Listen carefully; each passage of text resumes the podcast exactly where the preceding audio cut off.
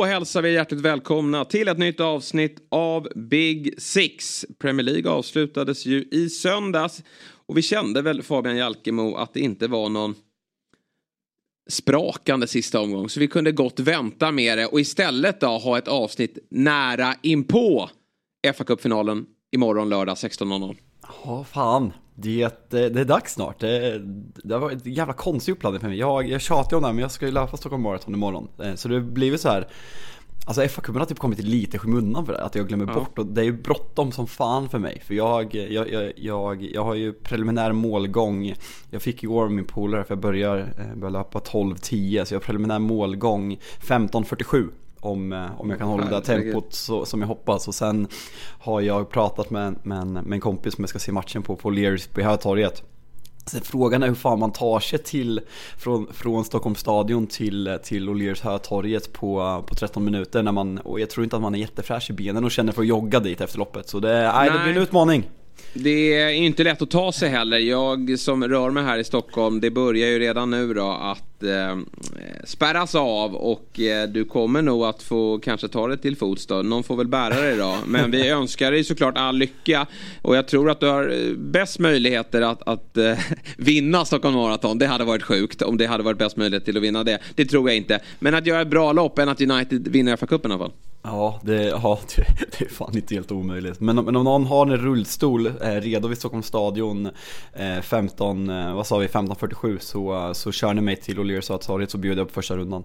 Ja, det kan väl vara schysst då. Om vi har någon lyssnare som, som är redo så är det bara att eh, eh stå där vid målgången då när eh, Fabbe stapplar in. Men du är ju stark. Eh, jag har ju sett dina tider och du sprang en halvmara här. Du är ju riktigt eh, snabb ut i spåret. Men din uppladdning har väl inte varit optimal då eftersom du var nere och kollade på Håkan Hellström i Barcelona? Ja, ja, nej det blev en 22 timmars i Barcelona som ni kanske hör på min röst. Eh, och eh, nej, men det, det, var, det var fan magiskt. Jag eh, det vet säkert folk som följer den här podden och som följer med att jag eh, älskar Håkan Hellström. Och eh, tog chansen att se honom live utomlands som jag alltid drömt om. Eh, på en intim klubbspelning. Och, nej, det, var, det var helt magiskt. Det var lite senare än vad jag hade tänkt mig. Jag hade ju målat upp en bild och sagt till mitt resesällskap att alltså, jag kanske kommer dricka tre öl på resan. Eh, liksom lägga mig tidigt, hade tagit med löparskorna för att jag skulle löpa längs strandpromenaden på morgonen de där tre ölen var ju passerade innan vi ens var på hotellet så ja, det gick, det gick sådär. Ja, men eh, du har ju laddat upp sen tidigare så att eh, nu har du fått sova ut och kommer vara redo i morgon. Men nog om eh, förberedelserna inför Stockholm Marathon. Vi tar väl oss an då den sista omgången som spelades då i söndags. Där det till slut blev bra. Det fanns ju eh, spänning i botten. Där, det var ju där nerven fanns och kanske lite spänning kring vilka som skulle ta den sista Conference League-platsen. Men vi börjar med det viktiga, bottenstriden. Och där konstaterar vi att Southampton, Leeds och Leicester åker ur Premier League. Everton hänger kvar efter seger hemma mot Bournemouth. Och eh, jag känner ju att det är som alltid när lag åker ur att det är sorgligt. Men, men eh, framförallt då att Leeds och Leicester ändå åker ur. Det här är ju... Eh, Leeds har inte varit där så länge. Det, det blev ju bara två säsonger. Men det är ju ändå en klubb som har satsat de här två åren. Det har spenderats mycket pengar. Man klev upp med Bielsa, en, en, en erkänd väldigt skicklig tränare. Som eh, charmade ju Premier League till en början. Och, och, jag har uppskattat Leeds närvaro. Men det senaste året har varit eh, ett, ett form av haveri. Eh, när det kommer till ja, men dels tränarfrågan. Men framförallt då spelarrekryteringar. Ja, man glömmer nästan hur mycket Leeds har värvat för. För de har ju verkligen fått vad de har pekat på och för att vara en nykomling. Alltså om man, om man tar bort Nottingham Forest ur ekvationen. För de har ju spårat upp på en helt ny nivå. Som ju, ja men kanske spenderat mest av alla nykomlingar de senaste, senaste nu, nu, nu bara killgissar men de tio åren. Det känns som att det har varit en helt ny nivå av satsning. Och att man, ja men hela den här grejen, alltså så här, Leicester jag, jag, tror inte att man ville sparka Brennan Rogers men det kom till en punkt att man kände att man var tvungen. Men hela Leedsen är soppan med ja, men, alla tränarsparkningar, man, man ersatte Bielsa med Jesse March och sen sparkade man honom och tog in ja, men tränaren som tokfloppa och sen skulle Big Sam eh, rädda det där sista 5-6 omgångarna och vi pratade om vilket svårt schema han kom in till så det har bara blivit ja, men sorgligt. Alltså jag har inte jättemycket till övers för Leeds. Sen, samtidigt, jag är ju lite för ung för att ha upplevt den, den rivaliteten. Eh, så jag och känner inga Leeds-supportrar. Så det har aldrig blivit att jag personligen har känt det där hatet mot Leeds. Jag har bara tyckt att det är jävligt kul att ha uppe liksom, ja, men ett bra publiklag och eh, ett lag som många klubbar i England tänkt sig är rivalitet. Men jag vet inte fan om det är rivalitet. Det är nog mer hat som folk känner mot Leeds. Det, det, det är ju roligare att ha sådana klubbar i Premier League än, ja men om man ska ta Alltså så här Bournemouth, Wolverhampton, alltså den typen av klubbar som man faktiskt, ska man vara helt ärlig, man känner ju ingenting för dem. Nej, nej jag håller med. Jag, jag, jag har förstått att det är många lag som har just Leeds som sitt hatlag. Och att rivaliteten finns där i många matcher. Och det, det, det är också nog en faktor också till varför Leeds eh, trillar ur. Att det, det är inte så många som kliver ut eh, på, på Ellen Road där det är en jäkla fin stämning och även i hemmamatchen mot Leeds och, och, och motståndet utan man är på tårna för det är lite derbykänsla och, och eh, då, då, står oftast de större lagen för, för bra insatser. Då. Sen är det ju tränarfrågan med, med alla som har varit där. Ingen har fått träff men, men också liksom värvningarna man har gjort. Det är ju eh, väldigt få spelare som har kommit in och gjort eh, Leeds bättre. Rodrigo kom in inför förra säsongen då, Premier League-säsongen. Alltså första Premier League-säsongen. Han har ju gjort en ganska bra säsong i år. Men han, första året var ju inte särskilt lyckat. Men sen har han varit, haft väldigt mycket skador. Så det, det, är liksom svårt att, att, säga att det där har varit en lyckad värvning som, som helhet. Det var ju en liksom, spansk landslagsman som kom, kom in. Och han har inte lyckats med, med eh, målet att, att skjuta Leeds kvar även om han står för väldigt många bra eh, insatser i år. Men det är liksom, jag, bara, jag säger så här, eh, man tog in i januari tog man ju in den här Rutter. Eh, han, som verkligen varit rutten eh, om man får vara lite göteborgsk av sig. Nej men alltså han plockas ju in för ganska stora pengar. Alltså det är typ så här 300-400 miljoner som man tar in honom från Hoffenheim. Och visst, han är ung, han har ju framtiden för sig. Men, men lägger man de pengarna i januari då måste man ju lägga det på spelare som här och nu kliver in och eh, kan se till så att Leeds eh, hänger kvar. Eh, men eh, han har ju inte gjort ett enda mål. Eh, och jag tror att han har, han har spelat 15 matcher har han eh, Nej det har han inte alls det. Han har spelat 263 minuter under, under våren. Ja, det är helt, jag ser, jag ser nu eh, 11 matcher han, han startat. Eller inte ja. startat, han har spelat 11 matcher. Deltagit i. En, ja. en, exakt, en assist i Premier League. Och det är ju mm. liksom, ja men fan. Alltså jag, jag, fatt, jag fattar om jag, om jag såg att eh, folk gjorde sig roliga över att Erik Ten Hag sa något i stilen att det är en styrka att Manchester United slutade topp 4 för att man var den enda klubben som inte förstärkte truppen i januari. Och då kan man ju peka på hur många miljarder eh, han värvade för i sommar. Men det är lite samma sak här om, om du kollar på på lagen i toppen. Eh, Liverpool fick in eh, Gakpo. Eh, Newcastle tog in, eh, eh vad fan heter han, eh, från Everton. Gordon. Tack. och ja, men, Arsenal eh, värvade också, Chelsea värvade. Eh, Chelsea fick inte kanske någon jävla utdelning på det. Men man ser överlag klubbarna att de förstärker, många förstärkte och speciellt om man är i den här prekära situationen som Leeds har varit så ska man spendera sådär mycket pengar så måste det vara en spelare som färgar direkt. Det är ju inte tid att värva för, ja, men för, för framtiden som exempelvis ja, men Bournemouth, de har väl lite konstigt ägandestruktur men att de i en bottenstrid skulle in och värva Hugo Larsson. Det är ju liksom, nu, nu hölls ju de kvar men att Hugo Larsson hade gått dit i januari hade ju bara känts jättekonstigt. Mm. Nej men verkligen. Och man, men Leeds agerade. Jag tycker kanske Leicester inte agerade i den utsträckning man skulle göra. Men man tog in även McKennie från, från Juventus. Som man ju Just, absolut ja. har koll på sen tidigare. Men, men inte heller fått eh, någon, någon träff. Och det är ju svårt att kliva in i lag som är Eh, är i den situationen som Leeds är och så byter man tränare och, och ja, det, det, är inte lätt att prestera då. Vi har ju eh, sommarförstärkningen som skulle ersätta Rafinha. Eh, det är ju Sinisterra och eh, han har ju faktiskt han kommer ändå upp i fem kassar. Och det säger jag är bra med tanke på hur lite han har spelat. För det är ju också någonting Leeds måste faktiskt ta tag i. Alla förbannade skadeproblem som de eh, åker på under säsongerna. Alltså Patrick Bamford, han är ju aldrig eh, med och spelar två, tre matcher på raken. Utan det dyker alltid upp nya skadeproblem. Den där backlinjen har ju hela tiden nya konstellationer på grund av skador. Vi vet ju då att Rafinha tappar dem inför säsongen. Eh, Bamford, han har varit in och ut i elvan och inte fått ordning på det. Vi har ju även eh, Stuart Dallas som har varit viktig för det här laget i, i, Championship. Ja, min gamla gubbe från Fantasy Premier League-säsongen eh, 21-22. Men, men han har ju varit borta hela säsongen också så det, det är mycket olyckligt eh, eh, när det kommer till alla skador man har haft då. Får vi se då om man, vilka man får behålla då till nästa säsong och, och vad, vad Leeds tar vägen. Det är ju en Ny tränare som ska in. Det är ju en ny sportchef som ska in och det är väl frågor kring äga, ägarfrågan också. Så det, och, och Championship är ju en, en jävla tuff serie. Det har vi fått lära oss och det är många lag där eh, som inte tog klivet upp i år då, som, som säkerligen rustar ytterligare. Jag tänker på VBA och jag tänker på Middlesbrough och sådär. Så att, eh, och så finns ju Leicester och Southampton också som har trillat ur. Men Leeds tror jag inte kommer tappa så många spelare. Eh, alltså det borde inte vara jättemånga spelare som är intressanta för andra klubbar. Det är inte så många som har stärkt sina aktier. Ja, det är klart. Rodrigo eh, kan de, väl studsa tillbaka dyra. till La Liga. Ja, men dyra ja, liksom. Hur ska en La Liga-klubb ha råd med honom? Det är ju en annan Premier League-klubb då. Patrick Bamford, han har ju varit för dålig i år och varit, haft mycket skador. Så det, det är väl bra kanske om han blir frisk då att han kan eh, leverera på nytt då i Championship. Men, ja. men om vi talar om det andra laget som trillade ut under söndagen, det är ju Leicester. Och där måste det väl bli massflykt ändå va?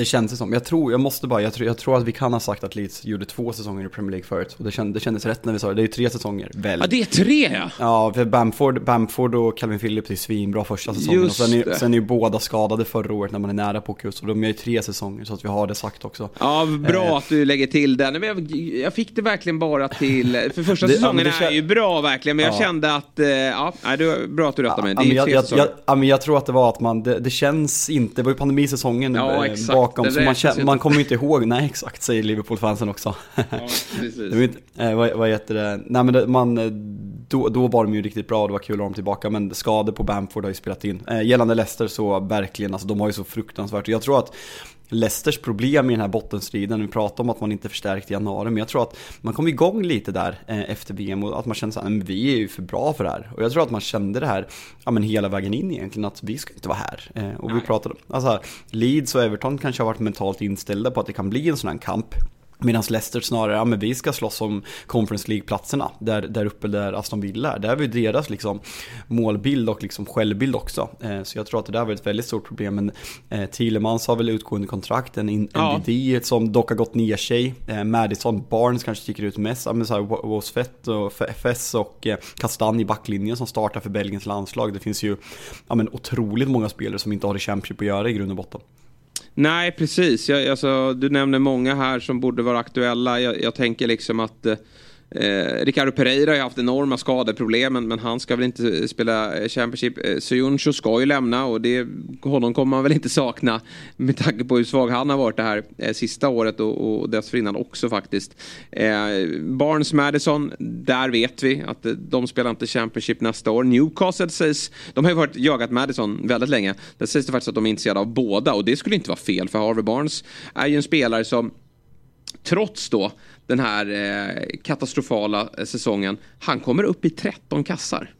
Ja, det är, nej, det är starkt. Det är, starkt, det är riktigt alltså. starka papper. Eh, och då gör han ju mål här i, i avslutningsmatchen då. Madison med något sviktande form mot slutet såklart. Men där är det ju en spelare som, som fler Premier League-klubbar eh, följer. Så det, det blir en massflykt. Jag räknar ju dock med att man, man får ganska bra betalt för de här och att Leicester får liksom försöka börja om sin resa. Men det gäller ju verkligen att gå tillbaka till det man en gång var bra på. Och det som låg bakom det, det sensationella guldet 14-15 och det är ju scouting. Och att man, man, man eh, plockar spelare från, från lägre hyllor, eh, utvecklar dem och, och får dem att eh, lyfta hela Leicester. Och, och framförallt då behövs det väl en, en, en, ny målvakt också till det där laget tycker jag. Ja, det behövs ju verkligen. Nej, men jag, jag, alltså de är byggt, deras träningsanläggning är så fruktansvärt toppmodern, de har en bra arena. Det känns, är det något lag som jag har till förtroende att man ska kunna studsa tillbaka. Liksom, alla de här spelarna vi nämnde kommer ju inte säljas, men ett gäng av dem och göra något bra av de pengarna, för det borde fortfarande vara attraktivt för liksom snäppet under att gå till Leicester. Så jag tror ändå att man kan sluta tillbaka ganska fort.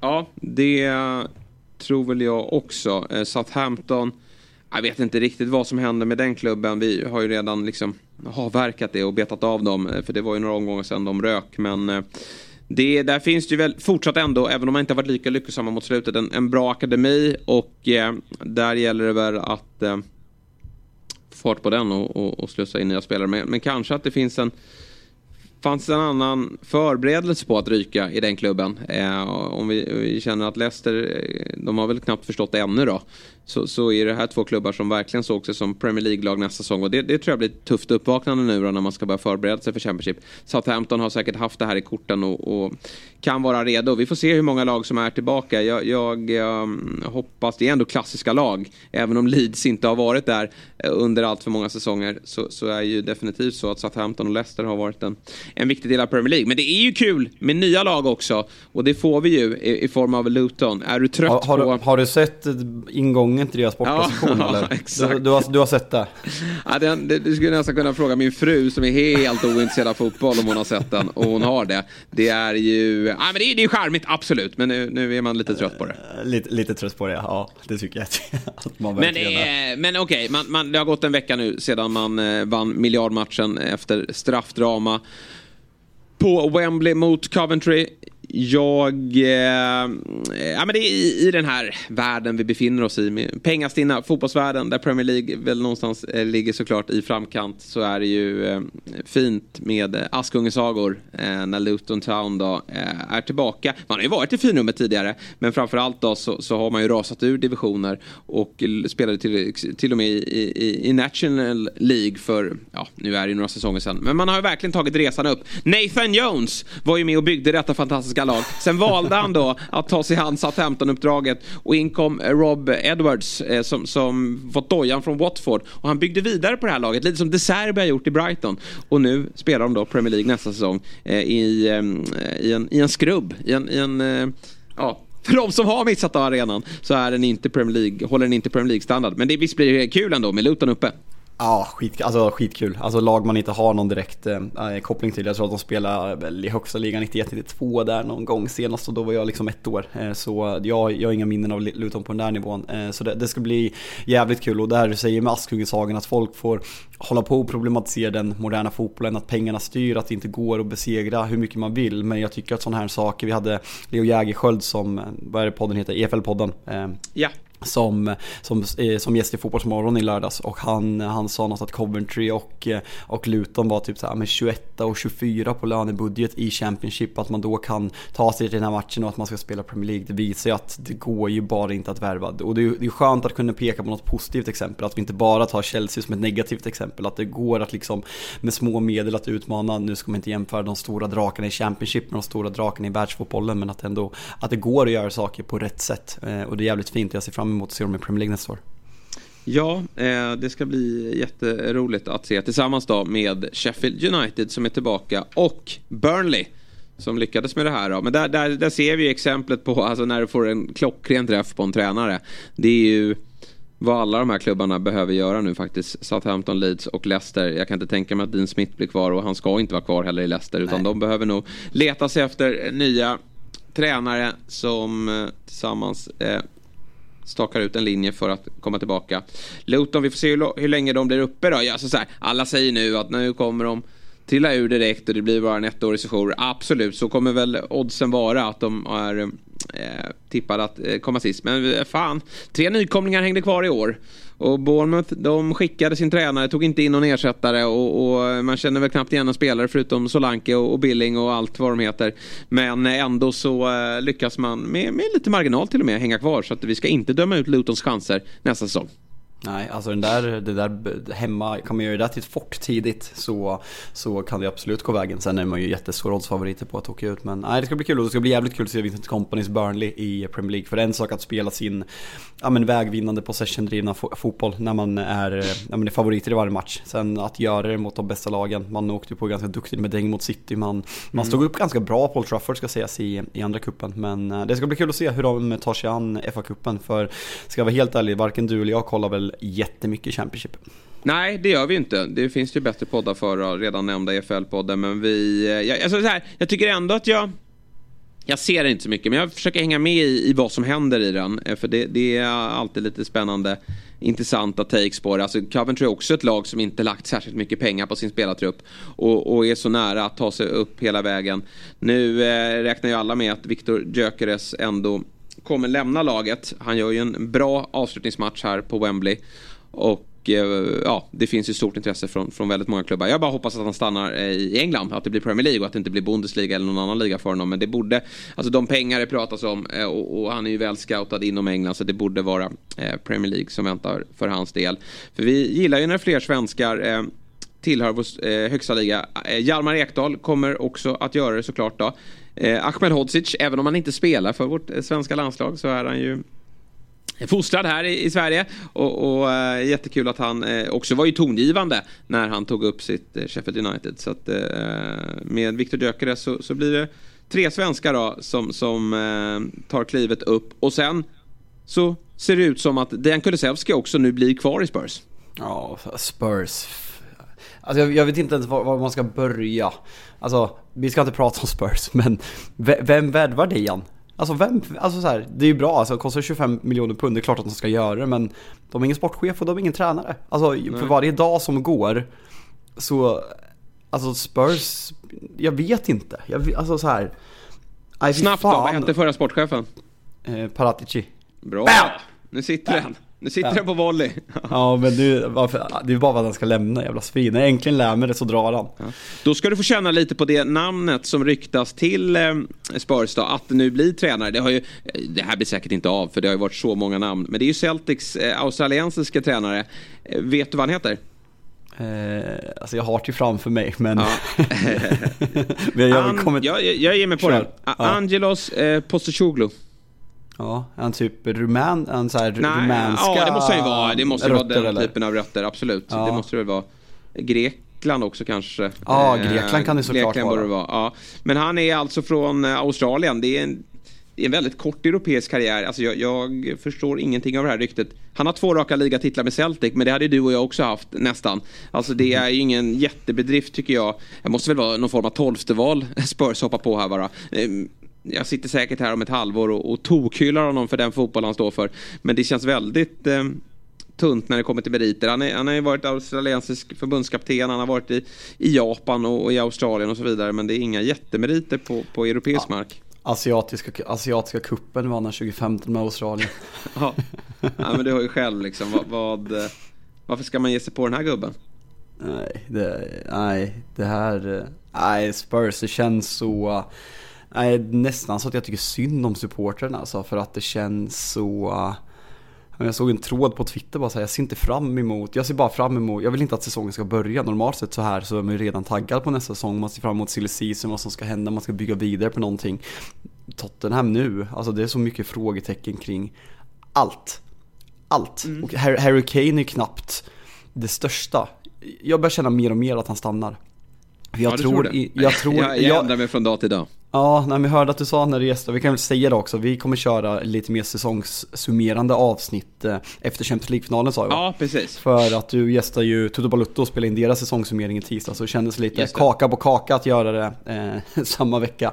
Så vi kör efter Champions League-finalen för er som undrar om det. Men eh, vart fan var jag?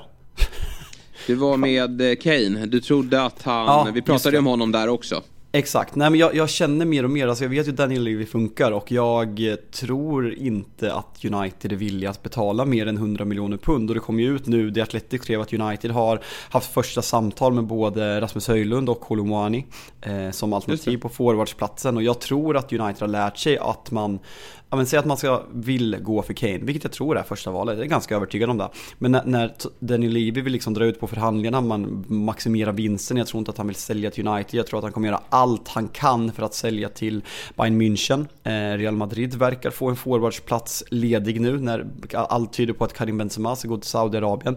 Han kommer försöka skeppa Kane till de här klubbarna och då kan det bli så att United står där Eh, och sitter i skiten och liksom vi är inne i augusti och man har ingen anfallare och klubbarna vet hur desperata man är och därför tror jag just i dagsläget att Kane inte kommer gå till Manchester United.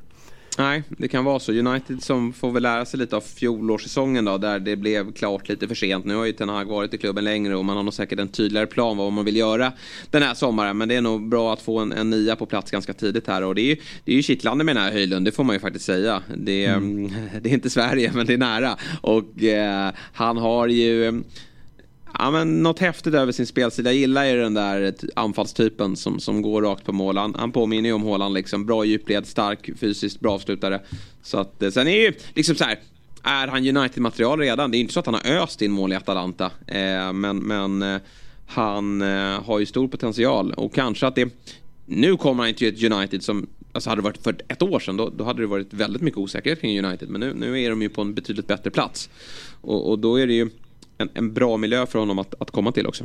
Mm, nej men alltså jag såg, jag vet inte om det står i den här statistiken, men jag tror att Bruno Fernandes har eh, typ så här 6 eller 8 assist i år. Han är den som underpresterar ex, eh, expected assist eh, mest i hela Premier League, ganska överlägset. Jag tror att han borde gjort typ 13 eller 14 mer assist sett till hans expected, vilket säger någonting om Uniteds problem att Bruno slår passningarna, men det är ingen som kan göra mål på dem. Nej, så det Nej, finns ju liksom, eh, kommer ju till chanser men att det är svårt liksom att, att få in bolljäveln för att vi har saknat ja. en, en nia hela den här säsongen och nu Tony Martial är borta på lördag igen och det är så ja. bara, ja man är inte förvånad, alltså man ser den där nyheten komma upp och man bara så här, det är en axelryckning. Det är bara så här, ja, Rashford får spela där och sen får spela Sancho och Anthony på kanterna.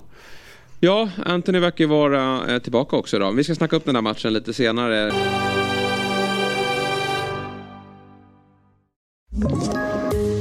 Poddtips från Podplay. I podden Något Kaiko garanterar östgötarna Brutti och jag, Davva, dig en stor dos skratt. Där följer jag pladask för köttätandet igen. Man är lite som en jävla vampyr. Man har fått lite blodsmak och då måste man ha mer. Udda spaningar, fängslande anekdoter och en och annan arg rant. Jag måste ha mitt kaffe på morgonen för annars är jag ingen trevlig människa. Då är du ingen trevlig människa, punkt. Något kajko, hör du på podplay. Därför är gardinerna. Vi tar lite fler så här sillenyheter. Det händer ju mycket om det och det är väl lite vad det kommer handla om här i sommar också då. Vi eh, konstatera konstaterar Liverpool, eller det, det, vet vi att det kommer att ske förändringar i det här laget. Många spelare som hade utgående kontrakt som lämnar. Och jag tror jag sett något uttalande från Klopp att vi behöver förstärka alla lagdelar. Vet jag inte riktigt, ja det, det är väl alltid bra att göra det. Men jag vet inte om jag håller med om att alla lagdelar behöver förstärkas. Men vad man framförallt behöver förstärka är ju mittfältet. Och det verkar ju vara där som man agerar. Jude Bellingham eh, kan man ju glömma då. Eh, utan det verkar vara Real Madrid där. Och då gör man ju som vi har tyckt då kanske att man plockar från lite lägre hylla eh, spelare som, som eh, visserligen har redan slagit igenom, kanske inte, absolut inte det där sista steget för man har inte stenkoll på dem. Men de kommer från bra säsonger. Och det är ju McAllister, som vi väl ändå får säga då, i, i Brighton, att han har slagit igenom. Med honom har vi pratat mycket om, vi tror på honom. Sen har vi alltså Manu Kone från Mönchengladbach, 22-årig mittfältare. Ska också vara, vad jag tycker sticker ut där, och det, så har det ju nästan alltid varit från Liverpools sida att de där centrala mittfältarna som plockas in, det är ju sällan de här Alltså, det är tydligt från Liverpool att de ska jobba hårt och det är, det är anfallstrion som ska göra målen. Mm. Eh, det är sällan du får in någon, någon, spelare som, som, som, som bombar in kassa från mittfältet på, på Liverpools mittfält. Och det gäller ju eh, Kone. Det gäller väl till viss del McAllister. Nu gör ju han, jag tror det är tio kassa, men det är ganska många straffmål. Och han har ju väl haft en mer offensiv roll där än man kanske kommer ha i, i, i Liverpool då, eh, stundtals då i Brighton. Och sen har vi även Lilian Turams yngsta grabb tror jag det är. Jag tror han har tre grabbar. Ja, men det är inte eh, den äldsta då, för han spelar i Mönchengladbach. Utan det är Kefren Turam från Nice. Bra jävla uttal där alltså. Jag, jag tycker jag det, lät, det lät, det lät. Ja. Alltså, jag vet inte om det var rätt, men det lät ja, jag bra. tror det. Jag tror det. Eh, jag säger Kefren Turam. Som ja. kommer från eh, Nice då. Också något form av... Eh, ja, men det är inte, om man bara kollar på poängproduktion. Eh, så, så, är det spelare som, som eh, ja, men tycker jag faller in under Liverpool-mallen. Att det, det, är hårt jobb på det där mittfältet och att pressspelet ska sitta. Inte bara från trion där uppe utan även från mittfältet. Som också ska kunna skydda sin backlinje. Ja, jag, jag antar att du inte vet my, eh, särskilt mycket mer om de här spelarna. Men det är tydligt i alla fall vilken profil Liverpool vill få in. Mm, och det ska ju bli intressant alltså att han säger, jag tror inte att anfallet kommer förstärkas för där har man breddat Nej, varför skulle man göra mycket. det? Nej, alltså det är om man skulle ta någon ung eh, spelare som liksom ska kunna, ja, så här, som ska kunna växa in i rollen och liksom vara en ersättare till Bobby. Men där har man redan ersatt med Gakpo kan spela där, Darwin kan spela där, Jota kan spela där. Alltså, och sen Luis Diaz till vänster. Alltså det finns, det är jättestor bredd där uppe och Salah kommer starta över 38 matcher till höger, så det vet vi redan. Så där, där, ja. behöver vi, där tror jag inte. Det, det är ju backlinjen som har varit men skör kanske framförallt. Eh, jag vet vår, vår vän borta på Dobb sa ju, eh, han höll ju ett Simica som topp 5 bästa vänsterbackar i världen att han skulle gå till Real Madrid typ för, eh, för några månader sedan. Riktigt dit tror jag inte, kanske inte att Simica ska gå men känslan är att han skulle kunna ta Det är bara en grek vidare. som kan lyfta fram en annan grek så. Ja, så jag vet. Jag vet. Sanslöst. Ska såklart hyllas. En, ja. Enögdhet uppskattas alltid. Men Simika skulle kunna röra på sig som backup till Robertson. Eh, vet inte om man kanske ska gå vidare från Matip. Eh, lite skadebenägen, har inte kommit tillbaka till höjden han har hållit tidigare. Konaté ska ju liksom ta den där platsen bredvid van Dijk och Joe Gomez är ju Liverpools supportrar ganska trötta på för att han inte har kommit tillbaka efter sin knäskada. Som backup på, på mittbacksplatsen och sen högerbacken, där har man ju fan ingen, ingen back backup nu när Milner försvinner. Det är ju Gomez och där behöver man också bredda och sen målvaktspositionen så pratas det ganska mycket om Kelleher som har gjort det jävligt bra bakom Alisson. Att han också vill se sig runt för att han vill bli första målvakt. Så där behövs det också någonting. Så det känns, det kan nog fan hända jävligt mycket i Liverpool i sommar. Ja Schmatke men så kan det vara. Löpat, lösat. Just det, ja han är igång också. Eh, men, men eh, de...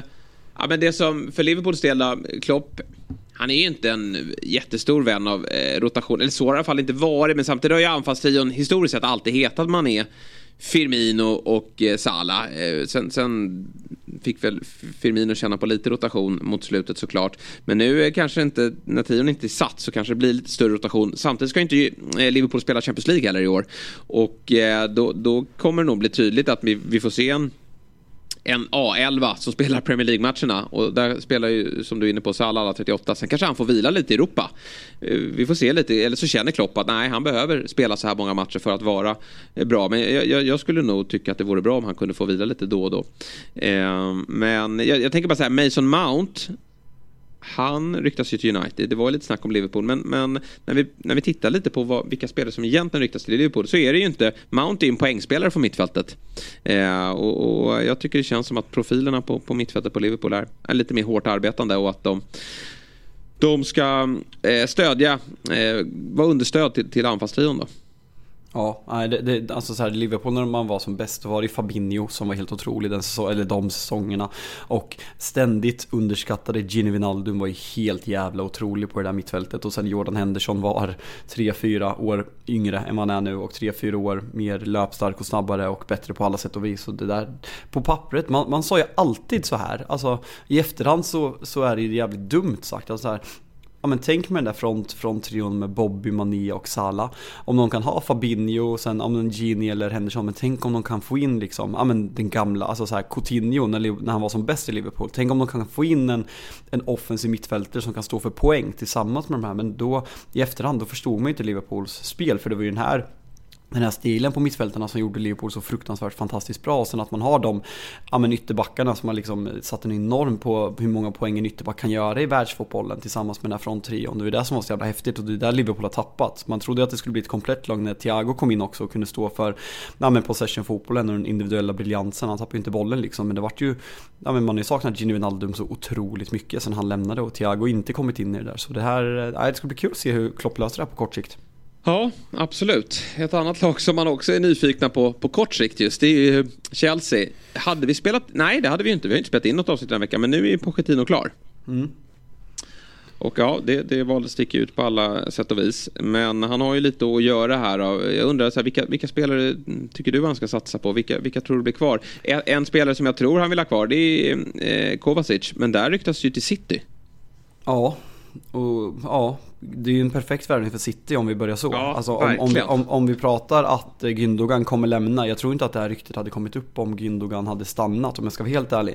Eh, det är ju en perfekt ersättare, en ganska kortsiktig ersättare till Gündogan för Kovacic. När han spelar, när han får liksom matcher i rad. Han är ju yttersta världsklass. Han har visat det både i, i Chelsea när man vann Champions League, han har visat i kroatiska landslaget. Det är en otrolig spelare som man också ständigt nämner som underskattad. Men att han kanske inte får sitt erkännande för att han, han har inte spelat tillräckligt många matcher matcher i rad under tillräckligt lång period för att han alltid är så här små skador. Eh, men på det där mittfältet då blir det en rejäl utrensning. Kanté, eh, alltså så här, kan man räkna med Kanté? Eh, jag vet Nej. inte. det vet jag inte. Det känns som att det är nog kanske bra att gå vidare där också. Även om det är såklart en mm. spelare som om man håller sig frisk gör Chelsea bättre. Men man måste väl ta nya kliv här nu. Och, ja, det, det är svårt att veta vilka de kommer att gå för. Just nu känner man att man vill rensa ut allt men så illa ska det inte behöva vara utan vi vet att det finns kvalitet i den truppen och att en ny tränare om han gör det bra, ja det får vi se om det är Pochettino. Då, då, då är det nog många spelare ändå som kan ta kliv. Få fart på de där ytterbackarna. Eh, Chilwell och Reece James. Se till att de kommer till spel. Majoriteten av matcher. Ja, eh, då, då, då, har man liksom mycket vunnet där. Eh, och sen så får man ju hoppas då att något av de här nyförvärven man ändå plockar in. Alltså Enzo Fernandes har inte varit dålig.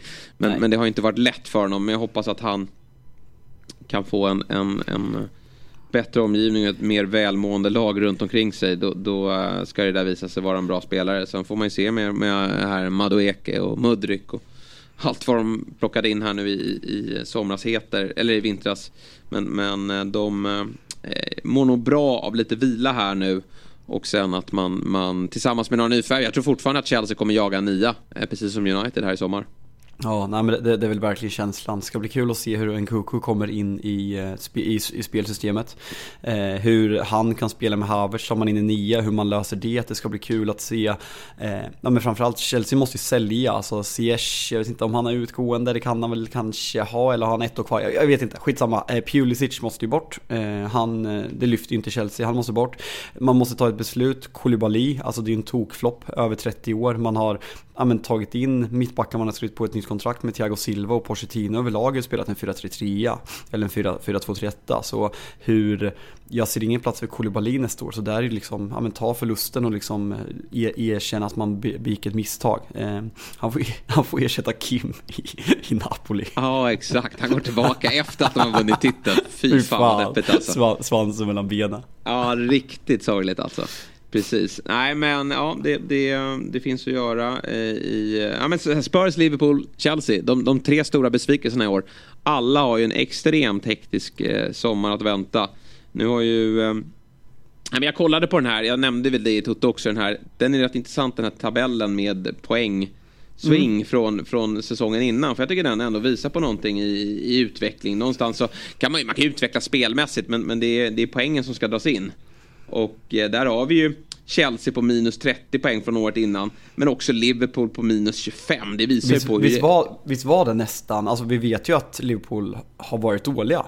Men att det är så här mycket. Sen har ju det ja, mycket verkligen. att göra med att de tog så fruktansvärt mycket poäng förra säsongen. Men att, ja, men att vilken dålig säsong Liverpool gör. Alltså 25, det är nästan lika stor skillnad som Chelsea. Eh, det är häpnadsväckande. Ja, det är ju det och då tog man ändå ganska många trepoängare här mot slutet. Så att länge var man ju det, det sämsta laget. Eh, men, men man räddade ändå upp det. Sen var ju två sista omgångarna kanske inte så muntra då. Men, men eh, Chelsea sämst, Liverpool, Leicester där nere också. West Ham gör ju en dålig säsong. Av, av de lag som presterar verkligen då. Vi... vi eh, nej men det, det är bara... Nu har det varit tre så bra nykomlingar, de finns ju inte med. Men det är sex lag bara som har pluspoäng mot sin säsong innan. Och det är ju Brighton plus 11. Eh, och det är ju det är styrka ändå för Brighton gör en bra säsong i fjol tycker man. Ver verkligen, det var deras bästa att, innan väl? Ja. Tror jag. Ja. ja men absolut, att, att, att steppa upp och ta plus 11 trots ett tränarbyte. Sen blev ju det väldigt lyckat då. Och med alla spelartapp man har haft.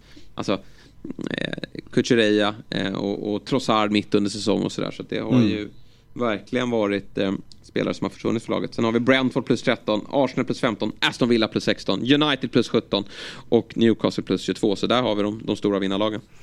Ja, det, jag, tycker, jag tycker på något sätt att om jag ska, om jag ska klä på mig supporterhatten att tycker att folk Folk glömmer hur illa ställt det var med Manchester United när, när, eh, när man summerar den här säsongen. Alltså när Erik Ten Hag tog över här. Jag, jag, jag säger inte att det var Chelsea-läge, men åt det hållet. Alltså ingen spelare Alltså man, man, var suicidal att kolla på Manchester United förra året. Det var liksom virus i truppen, det var situationen med Cristiano Ronaldo. Och att man nu slutar trea, har en kupptitel och ska spela en final. Alltså så här, det har varit jävligt många alltså, gupp på vägen för att summera den här säsongen och mycket jävla pissresultat som det ska ifrågasättas på bortaplan. Men Erik Ten Hags första säsong tycker det snackas nästan för lite om hur, hur bra den är på hans första säsong på den här nivån. Eh, ja, nej, det är, det är faktiskt ruskigt, ruskigt eh, starka papper. Eh, jag tycker att vi ska börja prata upp fa kuppfinalen då, som spelas eh, lördag. Eh, och eh, då har vi eh, alltså Manchester City mot Manchester United. Och eh, du är ju spänd såklart och taggad. Det kan bli andra titeln. Men det kommer ju såklart bli tufft. City stora favoriter. Samtidigt vet man inte riktigt vad man har City just nu.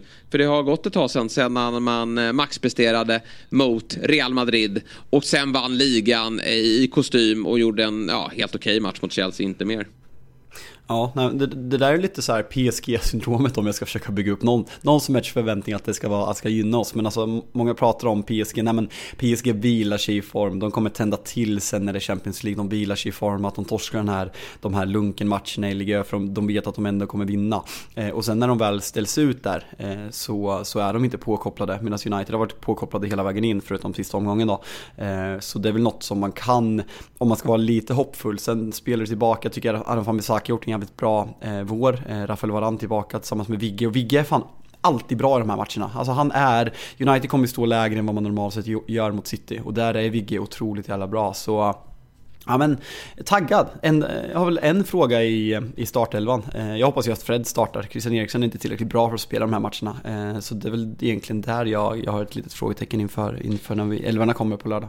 Eh, Anthony eller Garnacho då? Men det är Anthony om han är frisk kanske? Ja, Anthony startar. Det är jag ganska mm. säker på. Sen, ja, men, jo, men, eller frågan är, man skulle kunna spela Bruno ut till höger i en inverter... Ah, och Anthony, nej det tror jag inte. Förresten gällande Anthony, är det inte väldigt in character att han ligger och skriker och blir ja. uttagen på bår som, att han som, som, att han är borta i 12 månader. Ja, sen, jag nej, tänkte honom får ni tillbaka nästa vår. Ja, nej, nej men sen, nej, men han är redo för FA-cupfinalen. Vad provocerande alltså. Han, han såg ut att dö där på, på planen alltså. Nej, det, där, det, det, det, är verkligen bra att du tar upp det, för jag blev så provocerad. Jag ser bara, eh, nej, han är troligtvis tillbaka i finalen. Va? Han har inget ben kvar. Alltså, nej, först, första, reaktionen var, första reaktionen var, ja men fan vad nice att han är tillbaka och sen bara, så nej, jävla dum huvud alltså. Nej, ja, väldigt, nej, väldigt är, character Anthony. Patetiskt, patetiskt. Ja, eh, nej men det är United själva, det är Van Bissaka där bak och, och, kul med Vigge då i en, i en eh, final också. Eh, mm. och får vi hoppas att de Gea håller koll på, på, på handskarna där och, och tar lite bollar. City, ja man vet inte, det är väl presskonferens senare Jesper, idag då. Jesper, Jesper, på tal om ja. de Gea. Rädda mm. straff. Ja, verkligen. Det måste vi väl också nämna från avslutsomgången.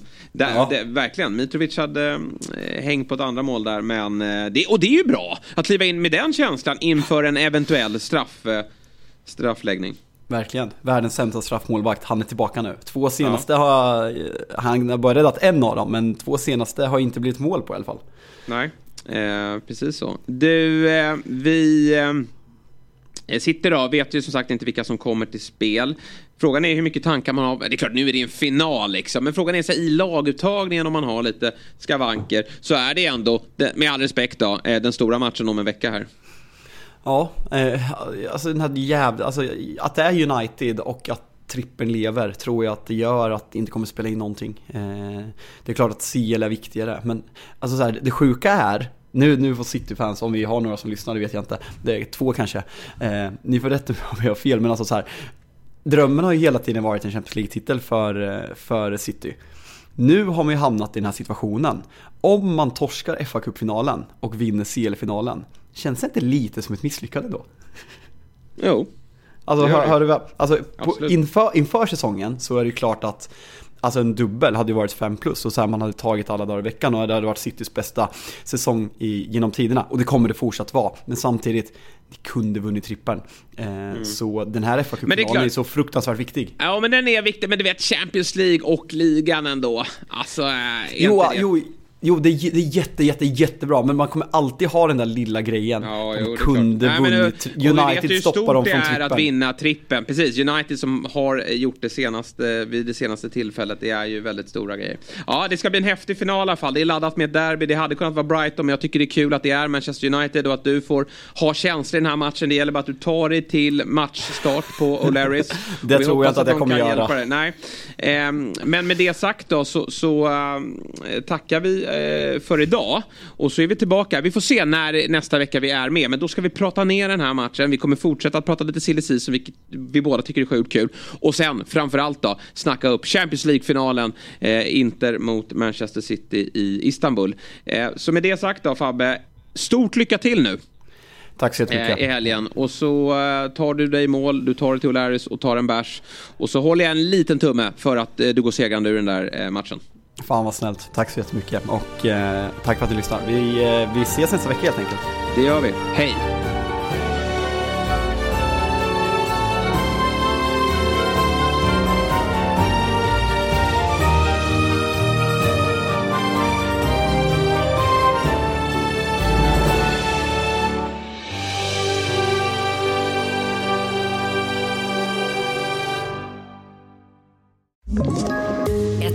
Poddtips från Podplay. I fallen jag aldrig glömmer djupdyker Hasse Aro i arbetet bakom några av Sveriges mest uppseendeväckande brottsutredningar. Går vi in med hemlig telefonavlyssning och, och då upplever vi att vi får en total förändring av hans beteende. Vad är det som händer nu? Vem är det som läcker? Och så säger han att jag är kriminell, jag har varit kriminell i hela mitt liv men att mörda ett barn, där går min gräns. Nya säsongen av Fallen jag aldrig glömmer på Podplay.